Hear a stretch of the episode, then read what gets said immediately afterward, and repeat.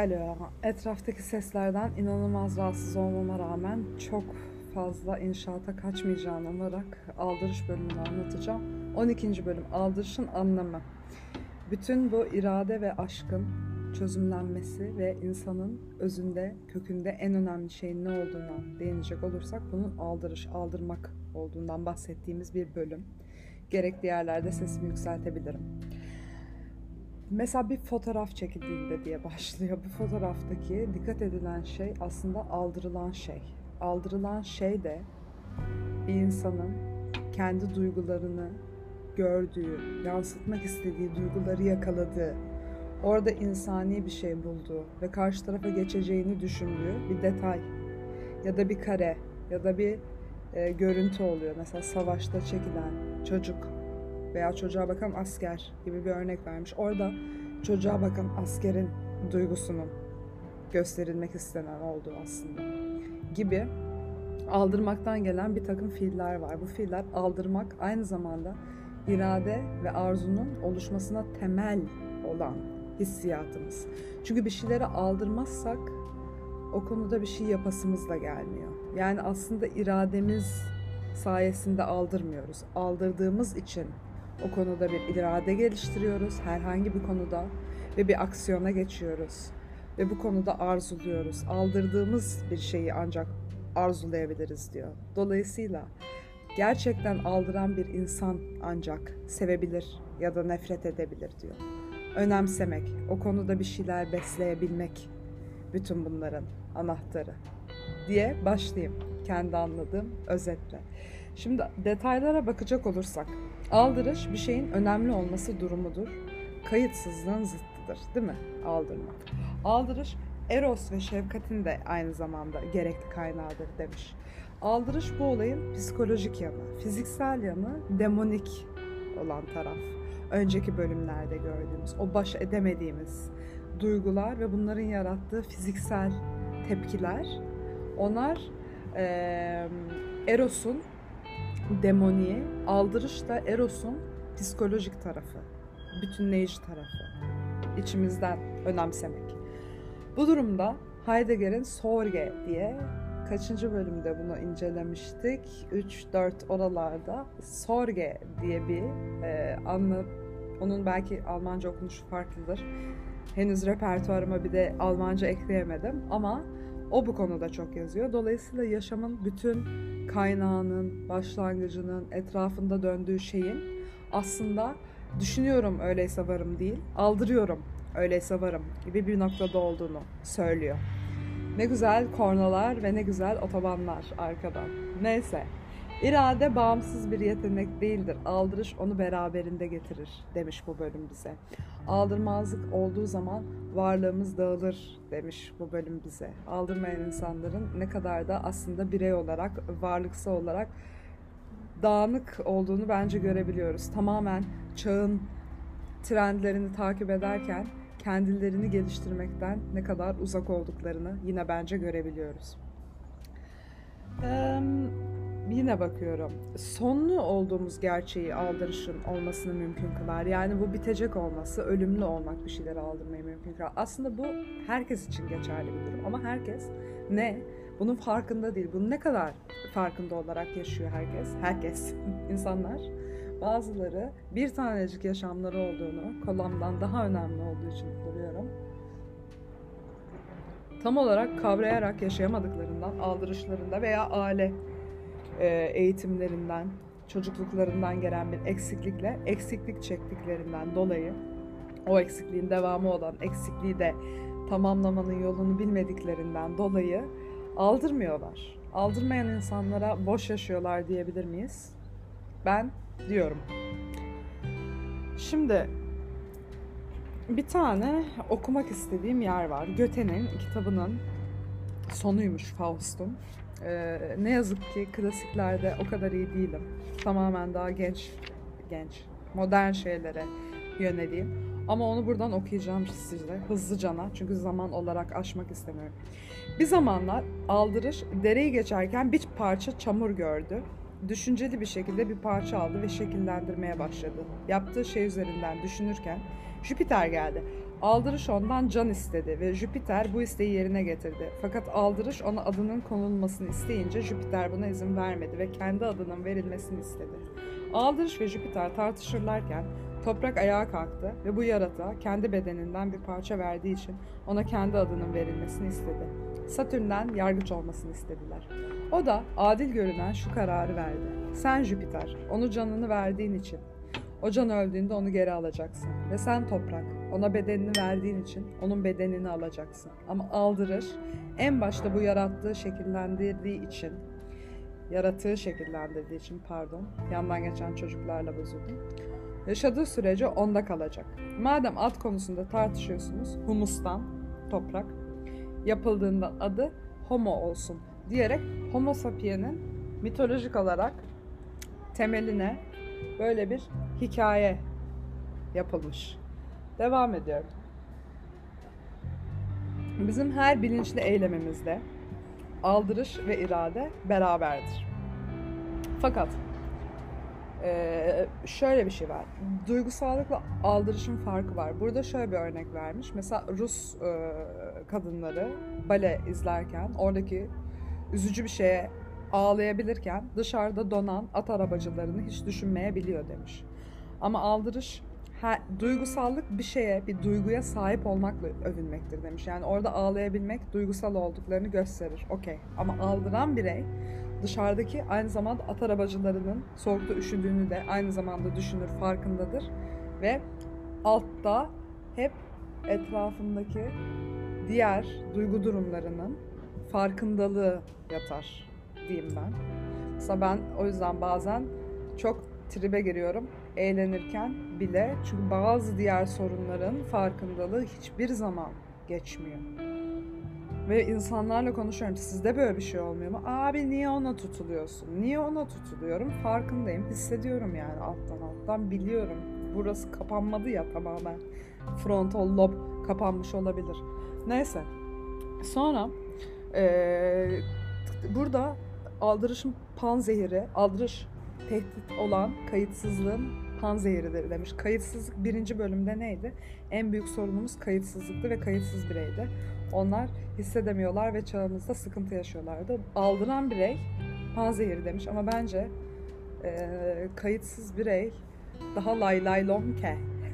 Çünkü aldıran birey bir tık daha acı çekiyor gibi geliyor bana. Bu benim kişisel deneyimimden e, çıkardığım bir şey. Tend, tend fiili. O eskiden bir, bir yerde daha incelemiştik pendi. Bir dakika arkadan hep kapatacağım. Kapat ya. Hepsini kapat. Şimdi daha rahat akın. Tend fiil, intention ve to tend yani aldırmak, niyet, amaçlamak, bir şeye doğru eğilmek, bir şeyi önemsemek, meyil. Bunların hepsi aldırmaktan geliyor. Aldırdığın şeye doğru meyilli olursun. O yüzden tendin bu tarz bütün kelimelerin içinde, dışında, başında, sonunda olma nedeni bunların anlamının çok birbiriyle iç içe olması. İngilizce ekstra bilgi. Bu bakımdan hem aşkın hem de iradenin kaynağı tekrar ve tekrar söylüyoruz aldırmaktır. Meydana gelen büyük değişim insanın bu dünyaya, dünyayla, diğer insanlarla ve kendisiyle iletişiminin kaybıdır. Yaygın hayal kırıklığı, kuşkuculuk ve kaderciliğe karşı hiçbir ilaç yoktur günümüzde, 2020'de. Şimdi buna hepimiz cevap arıyoruz. Aslında benim bu podcast yapma sebebim de buna bir cevap arama ya da buna cevap arayanlara nasıl aynı duyguları yaşıyoruz, nasıl dönemsel olarak bir şeye maruz kalıyoruz bununla ilgili konuşmak ve tamamen bir kitap okurken nasıl bu yazar da benim gibi düşünmüş, ben yalnız değilim hissedebiliyorsam benim gibi düşünen varsa onların da yalnız hissetmemesi odaklı gidiyorum yani. Yani yanlış olmasın amacım o. Ondan sonra stoacılar ve epikürcülerin çözümü dinginliktir demiş. Bunlar ikisi de aslında sarsılmazlık ilkesini benimsediklerinden ve hiçbir olay karşısında çok fazla tepki vermeyeceğiz şeklinde bir e, yaklaşımla kendilerini korumaya aldıklarından negatif duygulardan arınırken bir yandan pozitif duygulara da duyarlılıklarını yitiriyorlar. Yani orada aslında bir şeyden e, verirken bir şeyden kaybediyorlar. Ayağıma sinek konuyor çünkü burası hala yaz. Antalya Kaş canım merkezdeyiz. Yo sandalyenin şeyiymiş. Neyse devam edelim. Bu stoacıların ve epikürcülerin yaptığı şey birbirine çok benzemekle beraber insanı daha duyarsızlaştırmaya, duygularını frenlemeye iten bir yol olduğundan dolayı e, tam olarak tercih ettiğimiz şey değil. Benim değil, hissedelim ikisinde. İkisi de hemen hemen aynı ve tutkuları insan yaşamından uzaklaştırmayı hedefler demiş kitapta.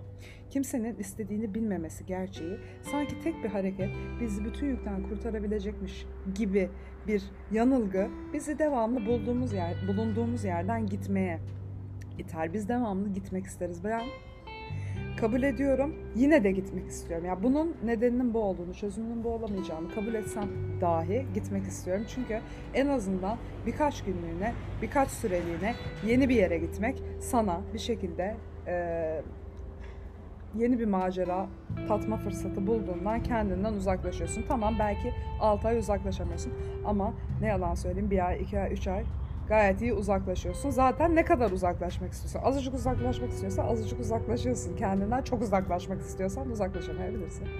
Ama kendinle okey sen biraz sıkıntın varsa gitmek çözüm olabilir benim yorumum. Çok araba geçiyor arkadan.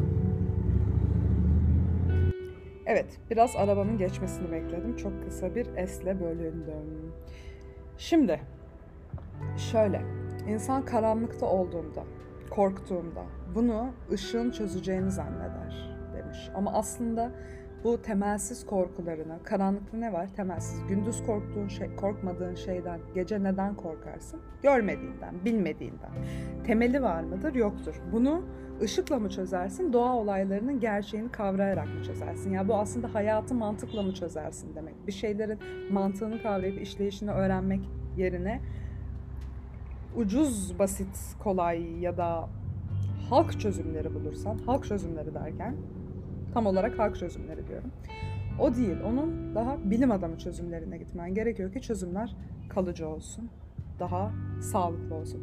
Lucretius'tan bahsetmiş. Defalarca okurun yaşamın doğal nedenlerine ikna olursa kaygısından kurtulacağını belirtmiş. Dolayısıyla Sisyphoslar, zartlar, zurtlar, yaşamdaki amacı sorgulayan insanlar, kamüller, yapıtlar, Sisyphoslar ve bunlara hep sundukları çözümler, direnmek, Lucretius'un sunduğu çözüm, kabullenmek, yani böyle çok e, hepimizin yapacağı, başka da bir şey yapamayacağı çok basit şeyler var. Yani işleyiş budur. E, ne zaman eski o isyankar yaşlarımız, eski teenage, yani bana, bana bile eskidi, hala içimde yaşasa da. Onlar geçtikten sonra yapabileceğimiz şey işleyişi kabullenmek. Çünkü işleyişi kabullenmek tamamen duyguları reddetmektense duyguları da kabullenmek ve biz buyuz bu kadarız diyebilmek bazen kendimize. Kendimize de yüklenmemek sanırım. Olayı çözebiliyor. Diye düşünüyorum. Yani bütün bunları yaparak çok mutlu bir birey misin derseniz soru işareti. Yaşamın anlamı insan duygularındadır. Acıma, yalnızlık, sevgi bunlar en çok paylaşılan insan duyguları. Açıklama e, ve yorum yapmak için değer vermek, birbirine güvenmek, iletişim kurabilmek lazımdır. Biri seninle ilgili bir şey yorumluyorsa bu seni önemsediğindendir. Bunlar e, insani değerlerin korunduğunu gösterir. Merhametin kaynağı, vicdanın kaynağı bunların hepsi aldırıştan gelir. Aldırabilen bireylerden olur. Ee, çok sabah olduğu için biraz mahmur anlatmamla beraber e, şöyle bir insanın seninle ilgili bir şey söylediğinde onun doğru veya yanlış olmasına gerek yok. Onun senin anlattığını dinlediğine ve senin sorununu önemsediğine işaret eder ve bu da yeterlidir demiş. Soren Kierkegaard aşka değinmiş. Bununla ilgili okumak istiyorum tekrar 328'i. Soren Kierkegaard, aşkta her insan baştan başlar diye yazmış. Ötekinin varoluşunun senin için önemli olduğu bir ilgi ilişkisi. Haz almaya ya da son noktada öteki için acı çekmeye hazır olmanın en üst biçimini alan bir bağlılık ilişkisi ifade eden bir hissetme eylemidir. Aşk için duyduğum en güzel tanımlardan biri. Bir daha okumayayım zamanı uzatmayayım. William James hissetmek her şeydir, her şey orada başlar demiş. Bu öznel bir yorum diye küçümsenmiş ve zamanla hissetmenin önemi 2020'ye doğru iyice küçümsenerek hisseden insanlar ne oldu? Zayıf, ezik, ay bilmem ne, yapışkan, ağlak, kendine yetmeyen türevi benim aklıma gelenler. Ama hissetmek küçümsendikçe biz asıl diğer çözümlerin, diğer sorunların çözümü olan yoldaki çözümü kaybettik. Çok saçma oldu ama demek istediğim geçiyor. Şimdi hmm, teknik akıl meseleleri çözme yöntemi haline geldi. Duygular da tamamen meseleleri fakap etme yöntemi haline geldi ya da e, vesile olan problem haline geldi. Asıl sorun duyguların problem olarak algılanmaya başlanmış olması ve aldıran bireylerin aldırmamalarının bekleniyor olması. Mesela Godot'u beklerken de Godot'un gelmemesi hiçbir sorun değil. Orada olay bekleme fiili çünkü beklemek aldırmaktır demiş Rolomey bunun yorumunu yaparken.